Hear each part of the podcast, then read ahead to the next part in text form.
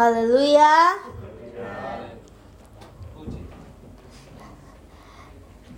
Puji Tuhan. Ya, pintar sekarang. Baik, Bapak Ibu Saudara, uh, kita akan dengar firman Tuhan hari ini. Ya, uh, minggu lalu saya, minggu ini saya lagi jangan bosan ya, karena ya begitulah. Kadang kan kalau jadi artis sayang kalau dapat panggilan gak diambil kan?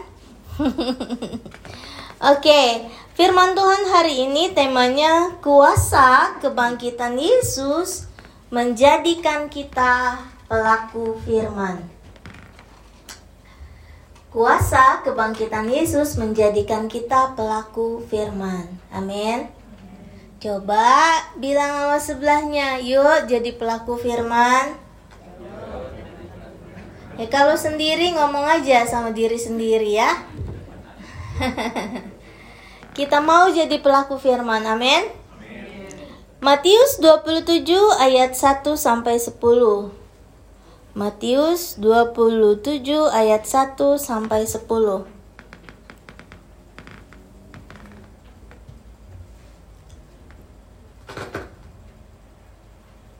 Oke. Kita baca bersahut-sahutan, ya. Semalam saya bilang, saya pengennya bilang kita baca, saya baca ayat ganjil, Bapak Ibu Saudara ayat genap. Nah, kadang ganjil itu artinya ya ganjil itu tidak betul, ganjil sekali pikiranmu, ganjil sekali gitu. Kehidupanmu dipandang ganjil oleh orang lain. Jadi kita ganti ya. Kita baca firman Tuhan bersahut-sahutan saya ayat 1, Bapak Ibu Saudara ayat 2, demikian seterusnya. Oke? Okay? Oke. Okay. Nggak apa-apa jawab sendiri, ya. Kematian Yudas. Bu, ini kan judulnya kuasa kebangkitan Yesus menjadikan kita pelaku firman Tuhan. Kok kita bicara tentang kematian Yudas? Biarin aja sih saya yang khotbah kan. Demikian firman Tuhan kematian Yudas. Ketika hari mulai siang, semua imam kepala dan tua-tua bangsa Yahudi berkumpul dan mengambil keputusan untuk membunuh Yesus.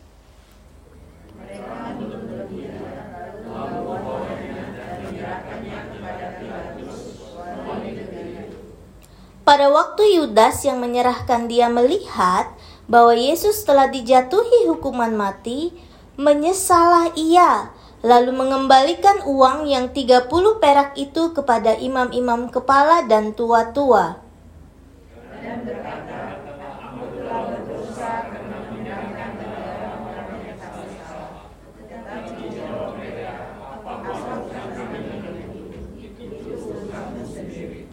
Maka ia pun melemparkan uang perak itu ke dalam bait suci, lalu pergi dari situ dan menggantung diri.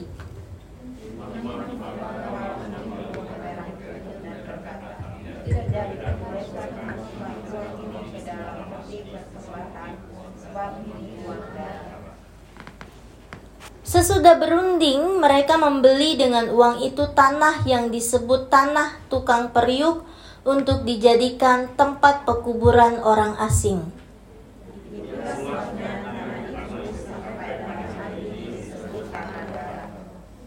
Dengan demikian, genaplah firman yang disampaikan oleh Nabi Yeremia. Mereka menerima 30 uang perak, yaitu harga yang ditetapkan untuk seorang menurut penilaian yang berlaku di antara orang Israel.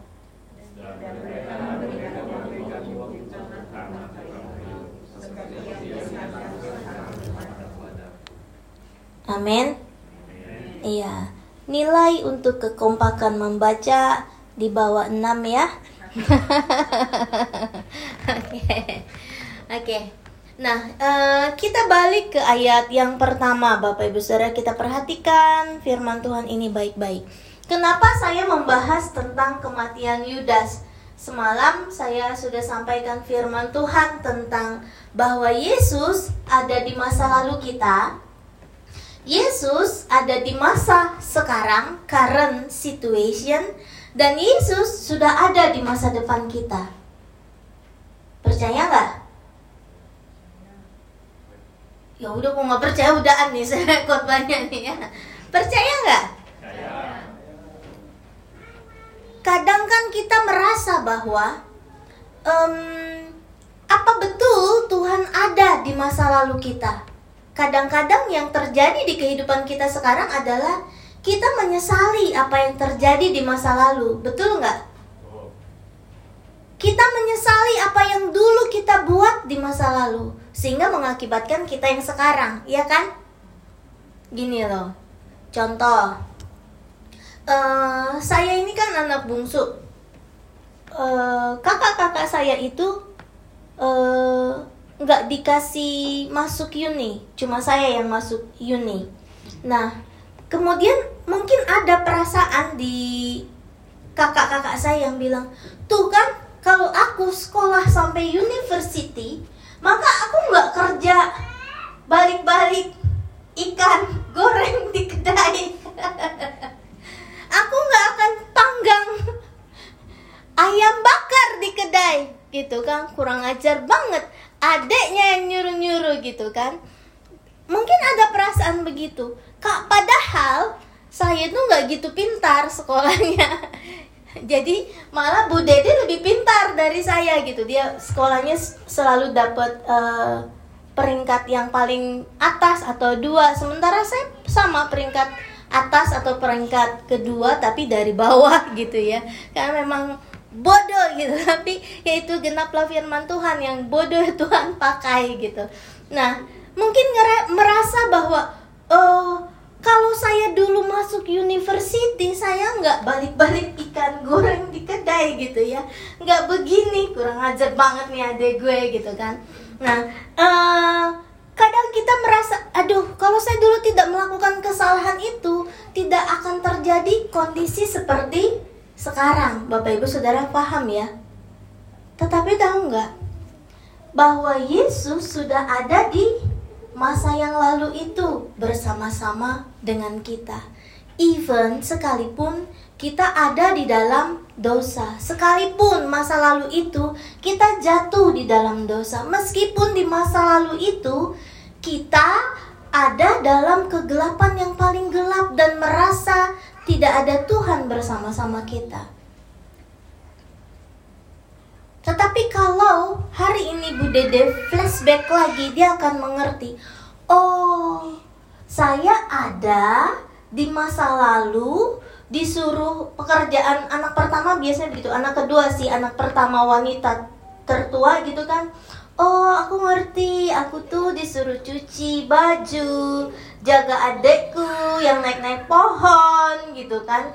Uh, terus nggak bisa masuk university. Oh tujuannya itu supaya bisa bantuin ya pelayanan Tuhan di Melbourne. Ini saya menghibur dia aja ya bapak ibu saudara ya. Oh tujuannya untuk bisa membantu pelayanan di Melbourne. Oh tujuannya supaya bisa menopang pelayanan di Melbourne gitu. Ketika kita e, mengerti hal itu, berdamai dengan masa lalu itu, kita bisa mengerti kenapa situasi sekarang terjadi dan kita tidak perlu menyesali apa yang sudah terjadi di masa lalu. Amin. Karena semua yang Tuhan lakukan bah baik bahkan Tuhan sudah ada di masa lalu bersama-sama dengan kita sekalipun kita masih dalam keadaan berdo berdosa dan jauh dari Tuhan. Tuhan ada di situasi kita sekarang.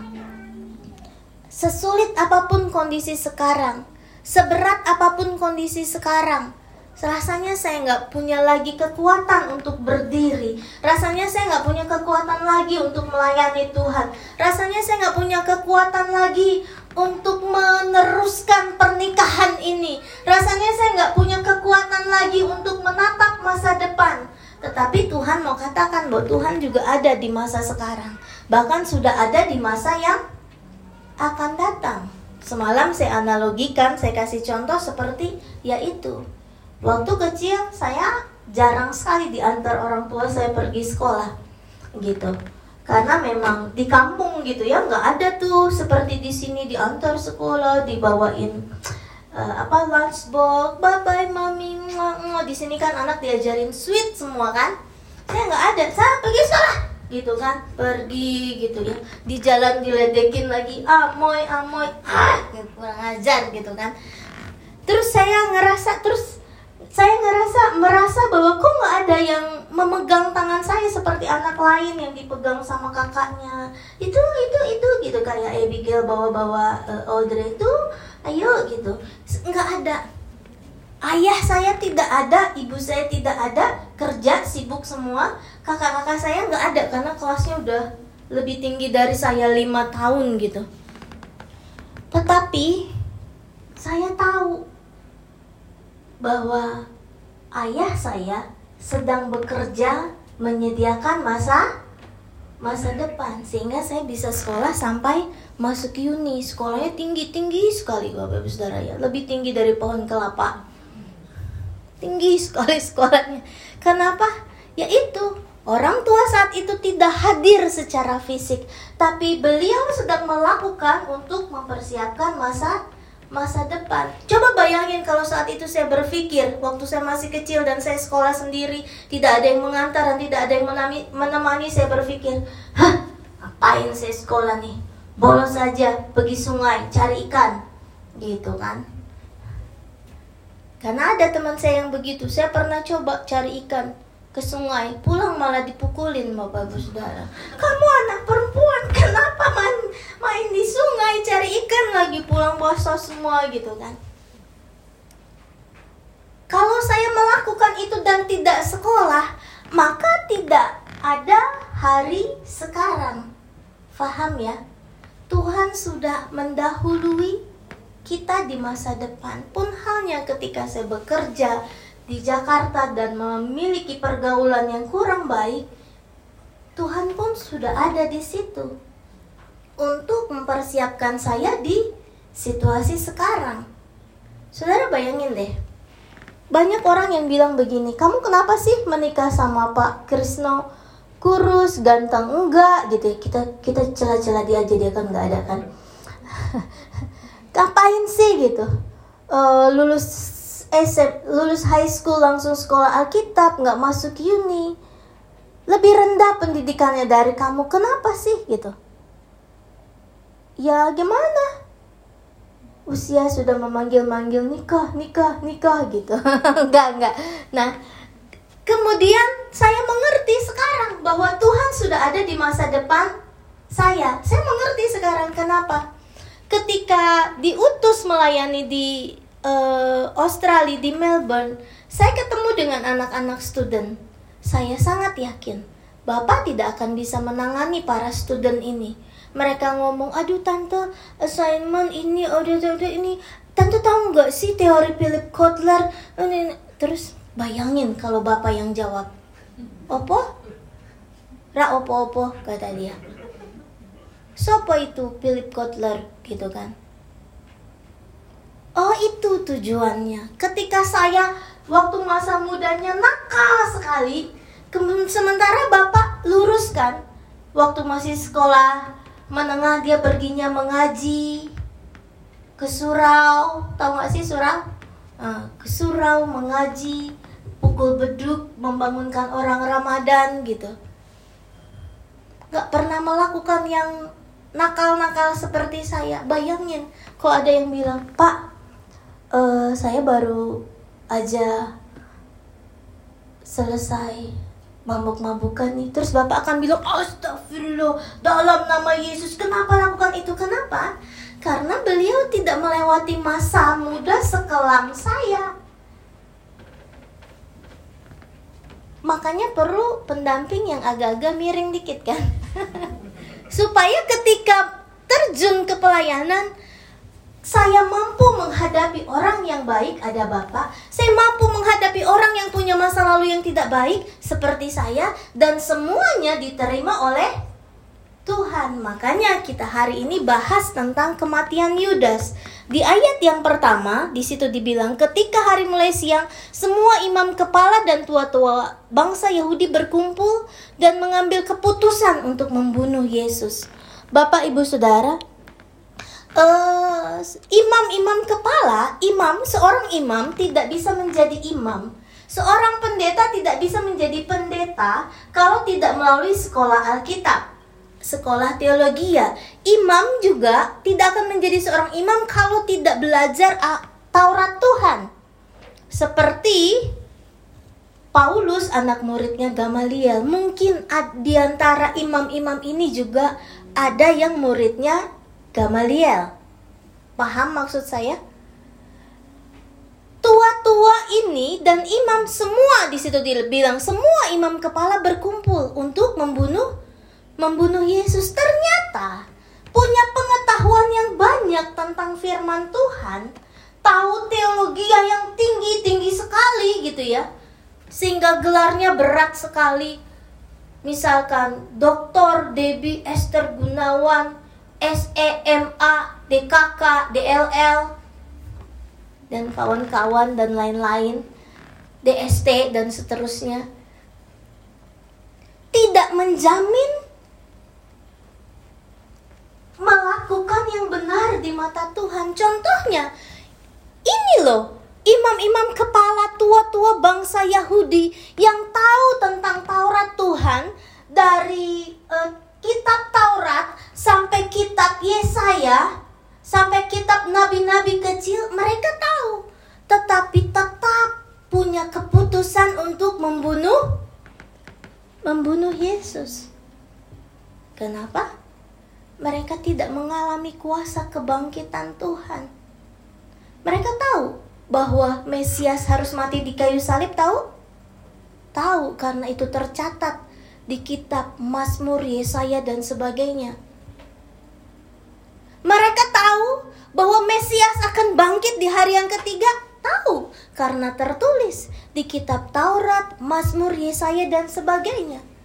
Tetapi yang mereka lakukan, ternyata pengetahuan yang mereka punya tidak sesuai dengan perbuatan yang mereka ambil, tidak sesuai dengan keputusan yang mereka ambil.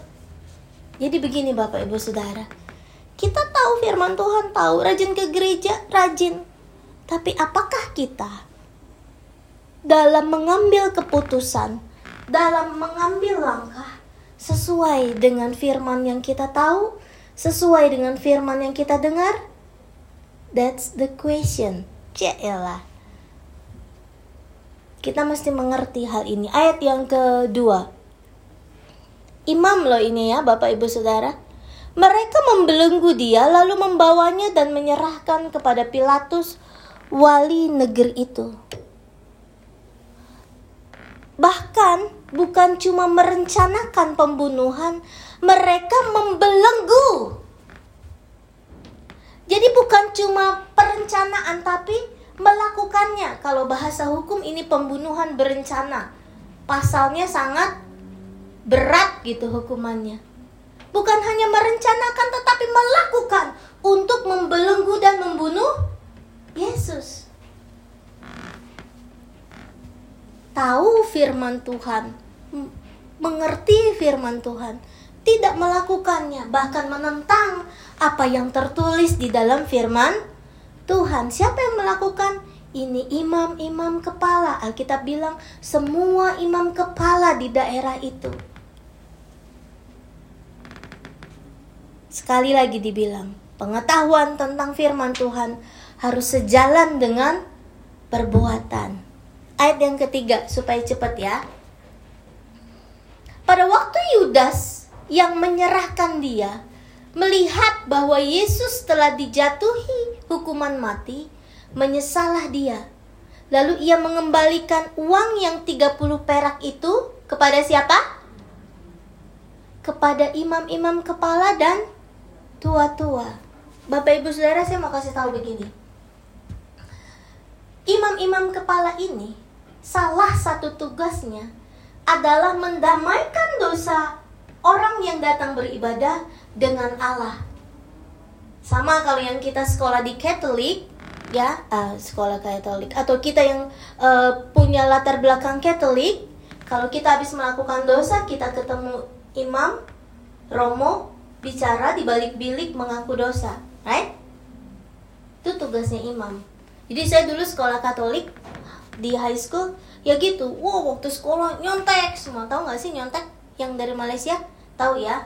Nyontek semua. Habis itu mengantri di gereja mau pengakuan dosa. Pak yang senyum-senyum deh. itu terjadi gitu.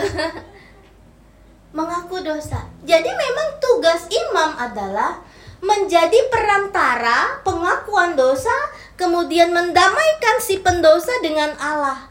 Makanya di zaman itu, di zaman Yesus pun masih ada persembahan korban penebusan dosa. Kita lihat baik-baik. Yudas yang menyerahkan dia ketika tahu Yesus sudah dijatuhi hukuman mati, menyesalah dia.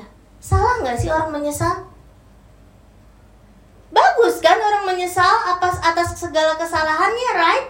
Selama ini kita selalu bilang, wah Yudas nih nggak baik, Yudas Iskariot nih nggak benar. Ya iya sih, tapi lihat, dia sudah melewati proses yang betul, menyesalah iya. Lalu, lalu apa? ia mengembalikan uang yang 30 perak itu kepada imam-imam kepala. Jadi dia sudah melakukan pengakuan dosa. Saya berdosa nih. Saya kembalikan bahkan hasil penjualan Yesus itu kepadamu. Bapak, Ibu, Saudara, perhatikan baik-baik.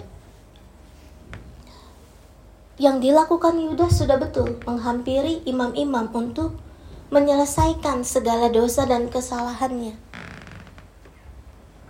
Tetapi, tetapi yang perlu, yang perlu sebenarnya, yang perlu sebenarnya, diulang ya. Ketika kita sudah jatuh dalam dosa, melakukan dosa, yang pertama kali harus kita lakukan adalah menyelesaikan dulu dengan tuh Tuhan dengan Allah, baru menyelesaikan dengan sesat sesama. Yang dilakukan Yudas memang langsung menghampiri imam kepada sesama supaya clear namanya, supaya bersih dosanya. Dia datang kepada kepada imam. Betul nggak? Betul. Tetapi dia belum menyelesaikannya personal kepada Tuhan.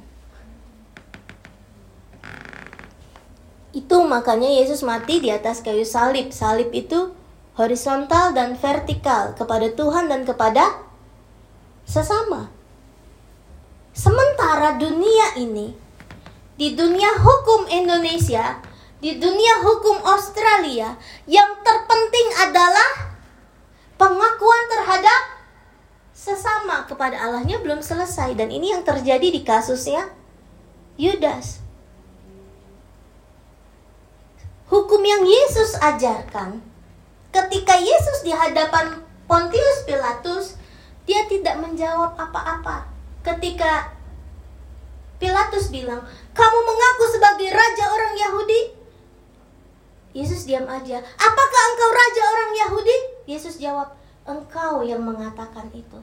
Apakah betul semua yang dituduhkan orang itu semua rakyat di sini? Dia diam aja. Memilih memberangus mulutnya tidak bersuara sepatah kata pun karena dia memang harus menyelesaikan kematiannya di atas kayu salib. Sometimes kita ada di posisi tidak bisa membela diri, diberangus mulutnya. Itu yang dinamakan persembahan dom domba. Domba itu kalau ya kita tahu lah kalau ada acara uh, hari raya kurban kan diikat sedemikian rupa mulutnya juga diikat supaya tidak menjerit, teriak, menggigit dan sebagainya. Diberangus mulutnya. Dibungkus mulutnya supaya tidak bersuara. Itu yang Yesus lakukan. Dan ternyata ketika Yudas mencoba mengakui dosanya kepada imam-imam, imam-imam ini bilang apa di ayat keempat?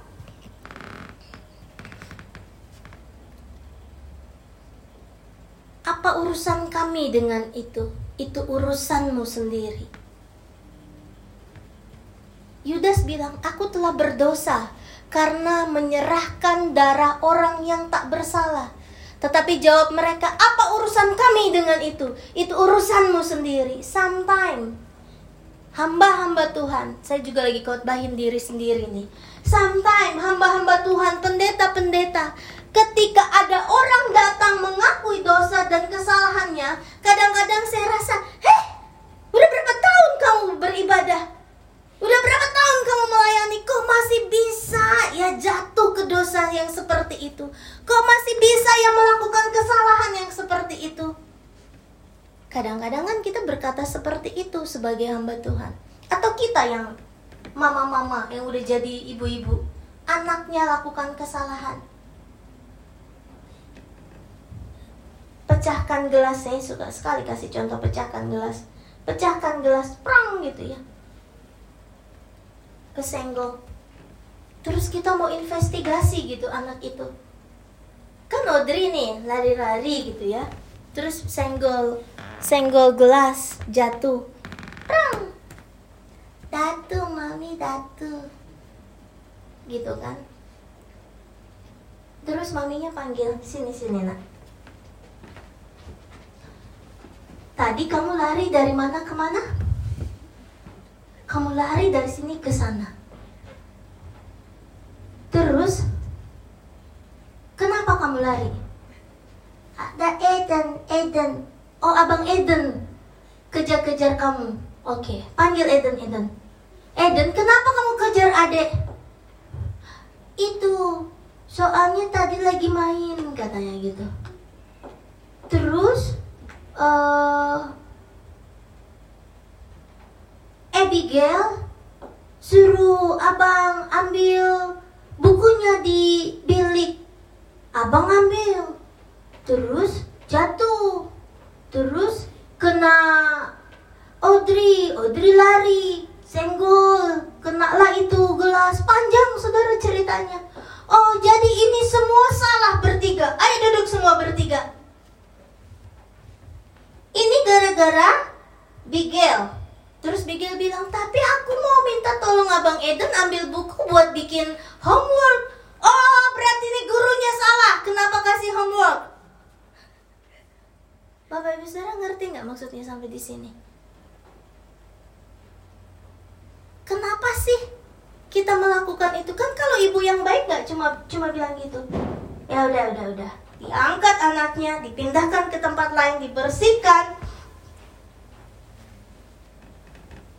sisa-sisa gelasnya.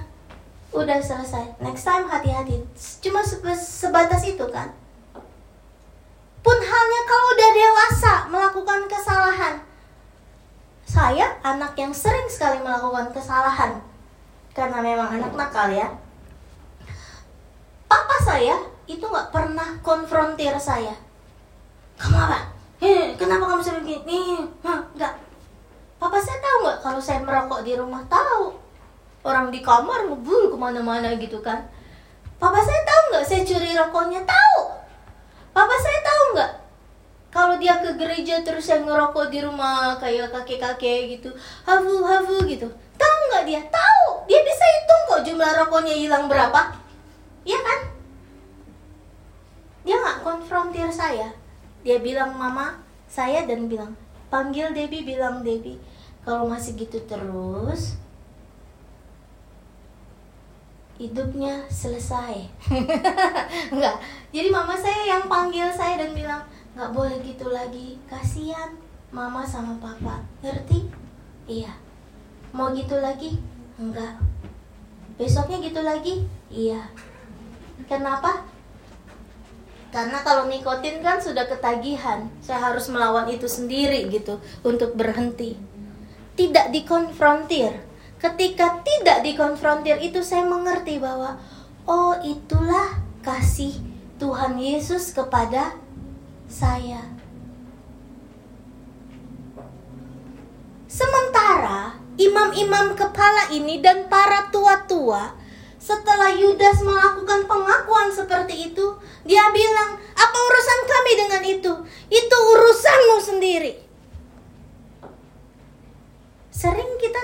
Anak Tuhan juga begitu kan? Sesama anak Tuhan. Terhadap sesama anak Tuhan, kita menghakimi. Contoh, contoh. Saya kasih contoh Rika lagi nih. Kan dia nabrak last week ya, jeder, kecelakaan, accident. Wah, terus kita investigasi. Kenapa kamu sampai begitu? Apa kamu? Kenapa kamu? Kamu lari berapa waktu itu? Apakah kamu udah bela udah semalam habis nonton Fast and Furious?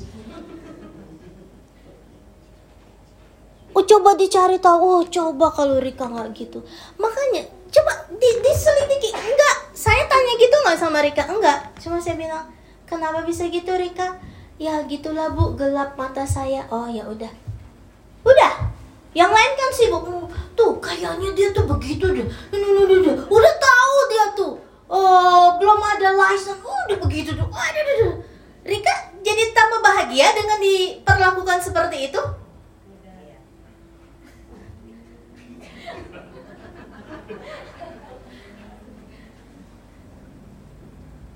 Kan dia merasa ya udah gue salah. Terus mau apa nih? Mau apa nih? Mau apa nih? Gitu kan? Mau kasih tahu eh ini memang license-nya masih L. Memang nih tadi larinya 70 gitu memang nih tadi uh, lagi bengong mukanya. Don't need to talk about that kan? Yang penting gimana cak sekarang menyelesaikan current situasi untuk hari depan yang lebih bah baik. Kan begitu? Paham sampai di sini bapak ibu saudara? Tetapi kadang-kadang kita sebagai sesama anak Tuhan melakukan investigasi bukan karena mengasihi cuma rumpi aja mau tahu aja apa sih sebetulnya yang terjadi nih? Hi gitu kan. Dan I'm sorry. Anak Tuhan yang baik. Tidak mau memfeeding keingintahuannya sendiri sehingga akhirnya menjadi do dosa. Hamba Tuhan imam-imam kepala juga harusnya mengambil posisi sebagaimana seharusnya sebagai jembatan pengampunan dosa umat terhadap Allahnya, bukan malah bilang uruslah urusanmu sendiri. Dan imam-imam kepala di hari-hari zaman sekarang pun harus ada pada posisi tidak memberi makan kepada jiwa-jiwa yang haus informasi, kepada jiwa-jiwa yang haus bergosip, cukup dengan bilang, "Let's we find solution for this case." Gitu kan? Harusnya begitu kan? Ngapain lagi diinvestigasi? Kalau saya investigasi terus Rika bilang, "Ibu udah lama kerja di AAMI." Ibu udah lama kerja di LACV Maksudnya kerja di asuransi yang harus boleh tanya gitu-gitu atau ibu udah ganti ya jadi polis sekarang. Terlalu banyak sekarang manusia jadi polisi moral. Padahal moralnya sendiri belum tentu baik. Setuju? Kita mesti mengerti hal ini. Ayat kelima.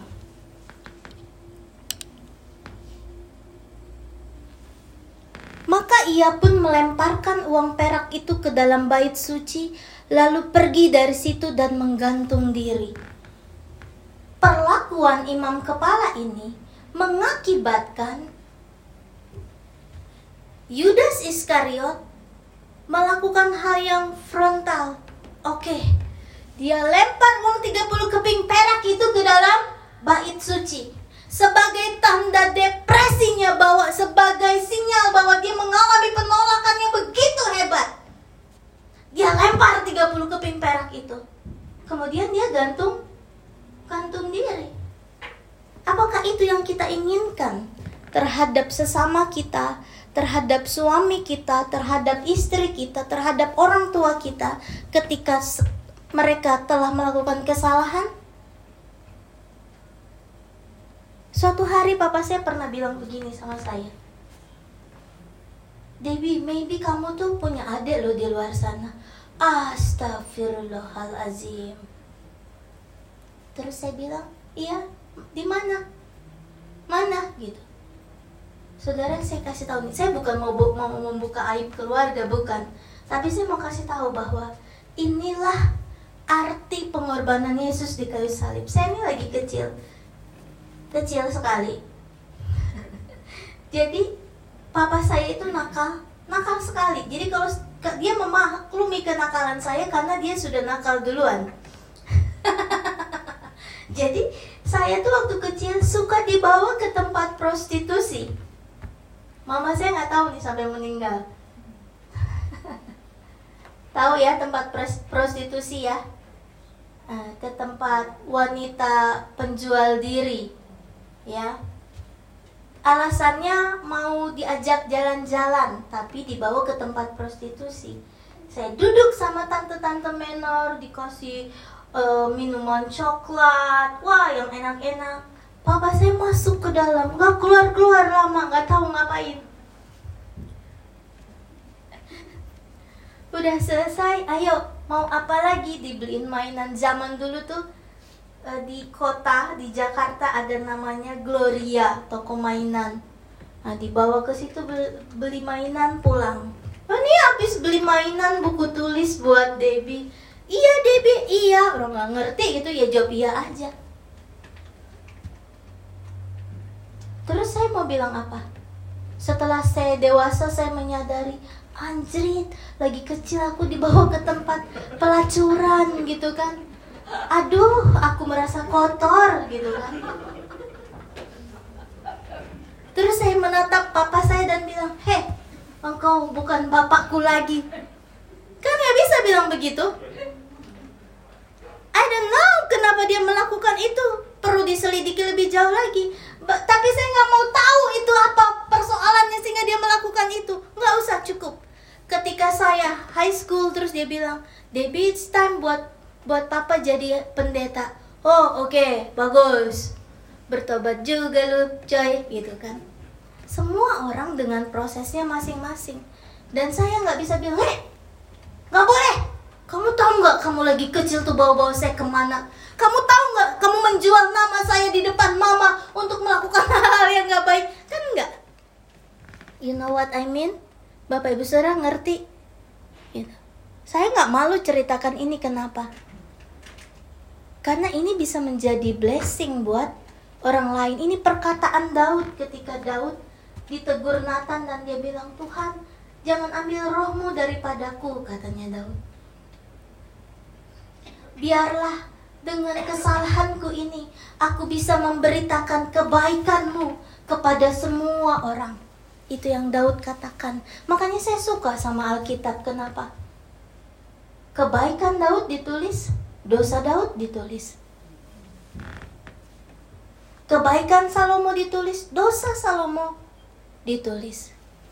Kebaikannya Yudas ditulis, kejahatannya ditulis.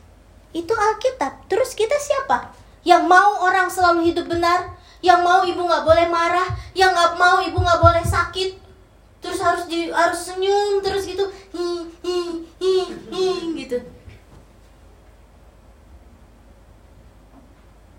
Orang di Alkitab aja ada kok semua kisah hidup para nabi dari yang kudus sampai tidak kudus, dari yang jatuh bangun aku mengejarmu. Ada semua.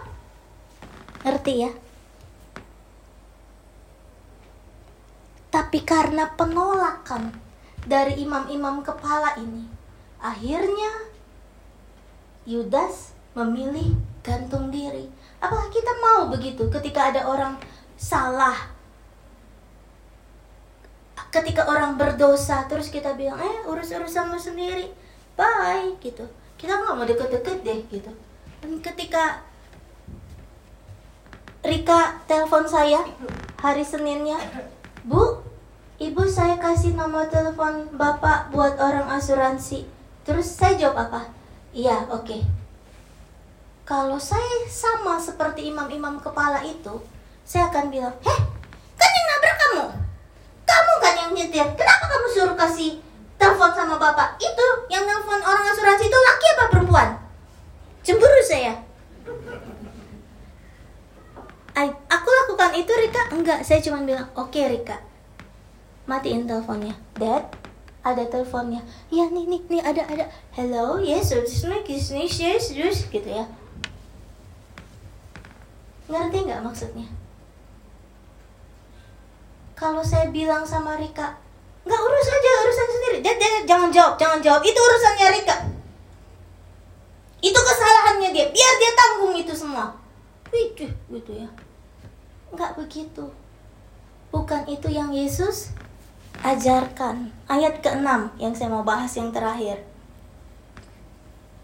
Imam-imam kepala itu mengambil uang perak itu dan berkata, tidak diperbolehkan memasukkan uang ini ke dalam peti persembahan, sebab ini uang darah. Kelihatannya betul ya? Kelihatannya suci dan kudus ya? Betul nggak sih? Nggak boleh menerima uang haram? Betul nggak? Betul. Betul nggak sih nggak boleh menerima uang darah? Betul.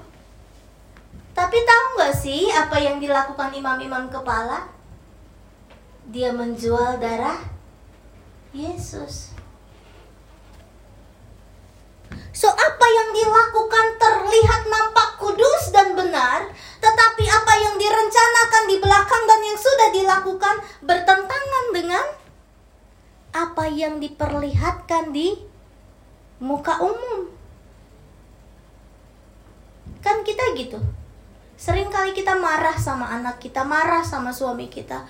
Bukan karena kesalahannya terlalu besar, tetapi karena karena kita malu. Kok anak kita gitu sih, kayak nggak diajar, kayak gue nggak bisa ngajar, mak kayak apa sih nggak bisa ngajar? Kok suamiku gitu sih, kayak yang istrinya nggak baik, kurang cantik apa aku, gitu kan? emang enggak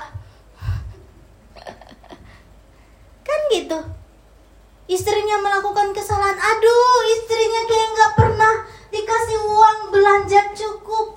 Marah bukan karena kesalahannya uh, meminjam duit tetapi karena malunya. Padahal ya memang suaminya nggak kasih cukup makanya pinjam gitu kan.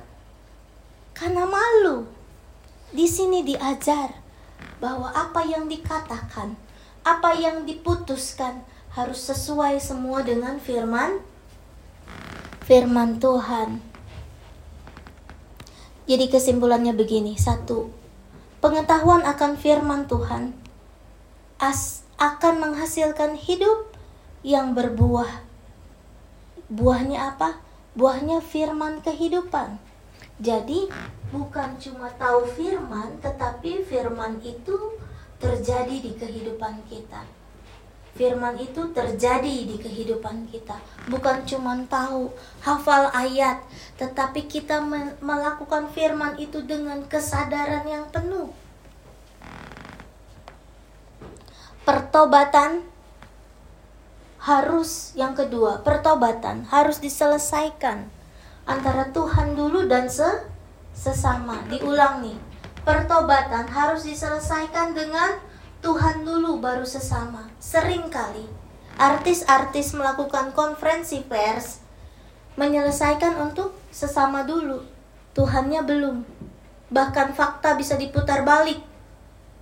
Yang penting masyarakat tahu kebenarannya. Padahal mungkin aja bukan kebenaran sesuatu yang diputar balik.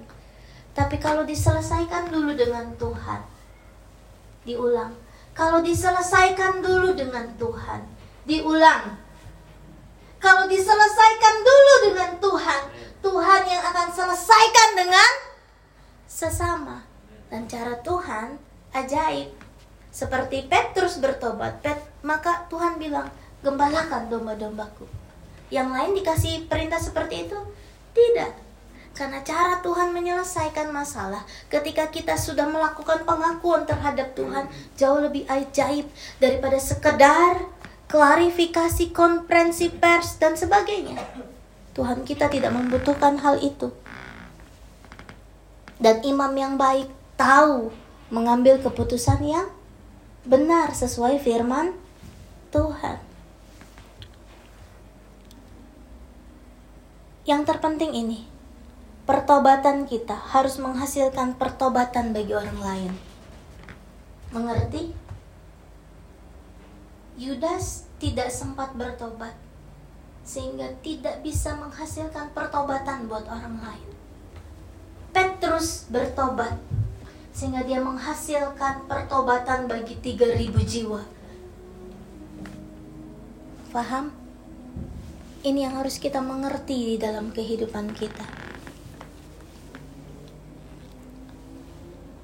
Para imam kepala ini belum mengalami kuasa kebangkitan Yesus, walaupun mereka punya pengetahuan Yesus akan bangkit bahkan naik ke surga. Sehingga dia memandang manusia berdasarkan hitam dan putih. Hitam atau putih. Padahal sebelum menjadi putih, ibu-ibu tahu nih, sebelum menjadi putih, kadang-kadang harus buram, grey, abu-abu dulu baru jadi putih, betul? Pak Ivan tahu deh, karena dia suka laundry cover kursi kotor. Waktu dicuci satu kali, oh masih ada noda, ditetesin lagi pakai pemutih di bagian nodanya. Cuci dua kali baru baru putih. Jangan sampai lebih pintar Pak Ivan Tumbelaka daripada kita yang memandang orang hanya dari hitam dan putih sementara ada proses di tengahnya kadang-kadang harus abu-abu dulu, grey dulu. You got the point? Amin.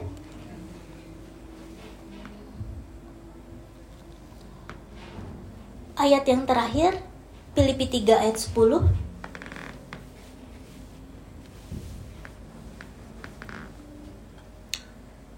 Para imam tidak mengalami, belum mengalami kuasa kebangkitan Yesus tapi Paulus mengalami kuasa kebangkitan Yesus. Sehingga Paulus bilang begini, yang ku kehendaki ialah mengenal dia dan kuasa kebangkitannya dan persekutuan dalam penderitaannya di mana aku menjadi serupa dengan dia dalam kema kematiannya.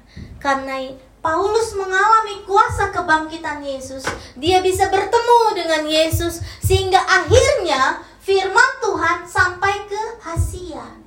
Asia itu siapa? Saudara dan saya orang Asia. Sehingga sampai kalau tidak ada Paulus, nggak sampai ke kita firman Tuhan. Berita keselamatan ini. Betapa besarnya kuasa kebangkitan Yesus yang bisa menjadikan kita sebagai pelaku firman. Sehingga Rasul Paulus punya banyak tulisan-tulisan dari kitab Roma sampai yang terakhir yang dia tulis semuanya berisi hikmat-hikmat dari Tuhan yang sangat luar biasa.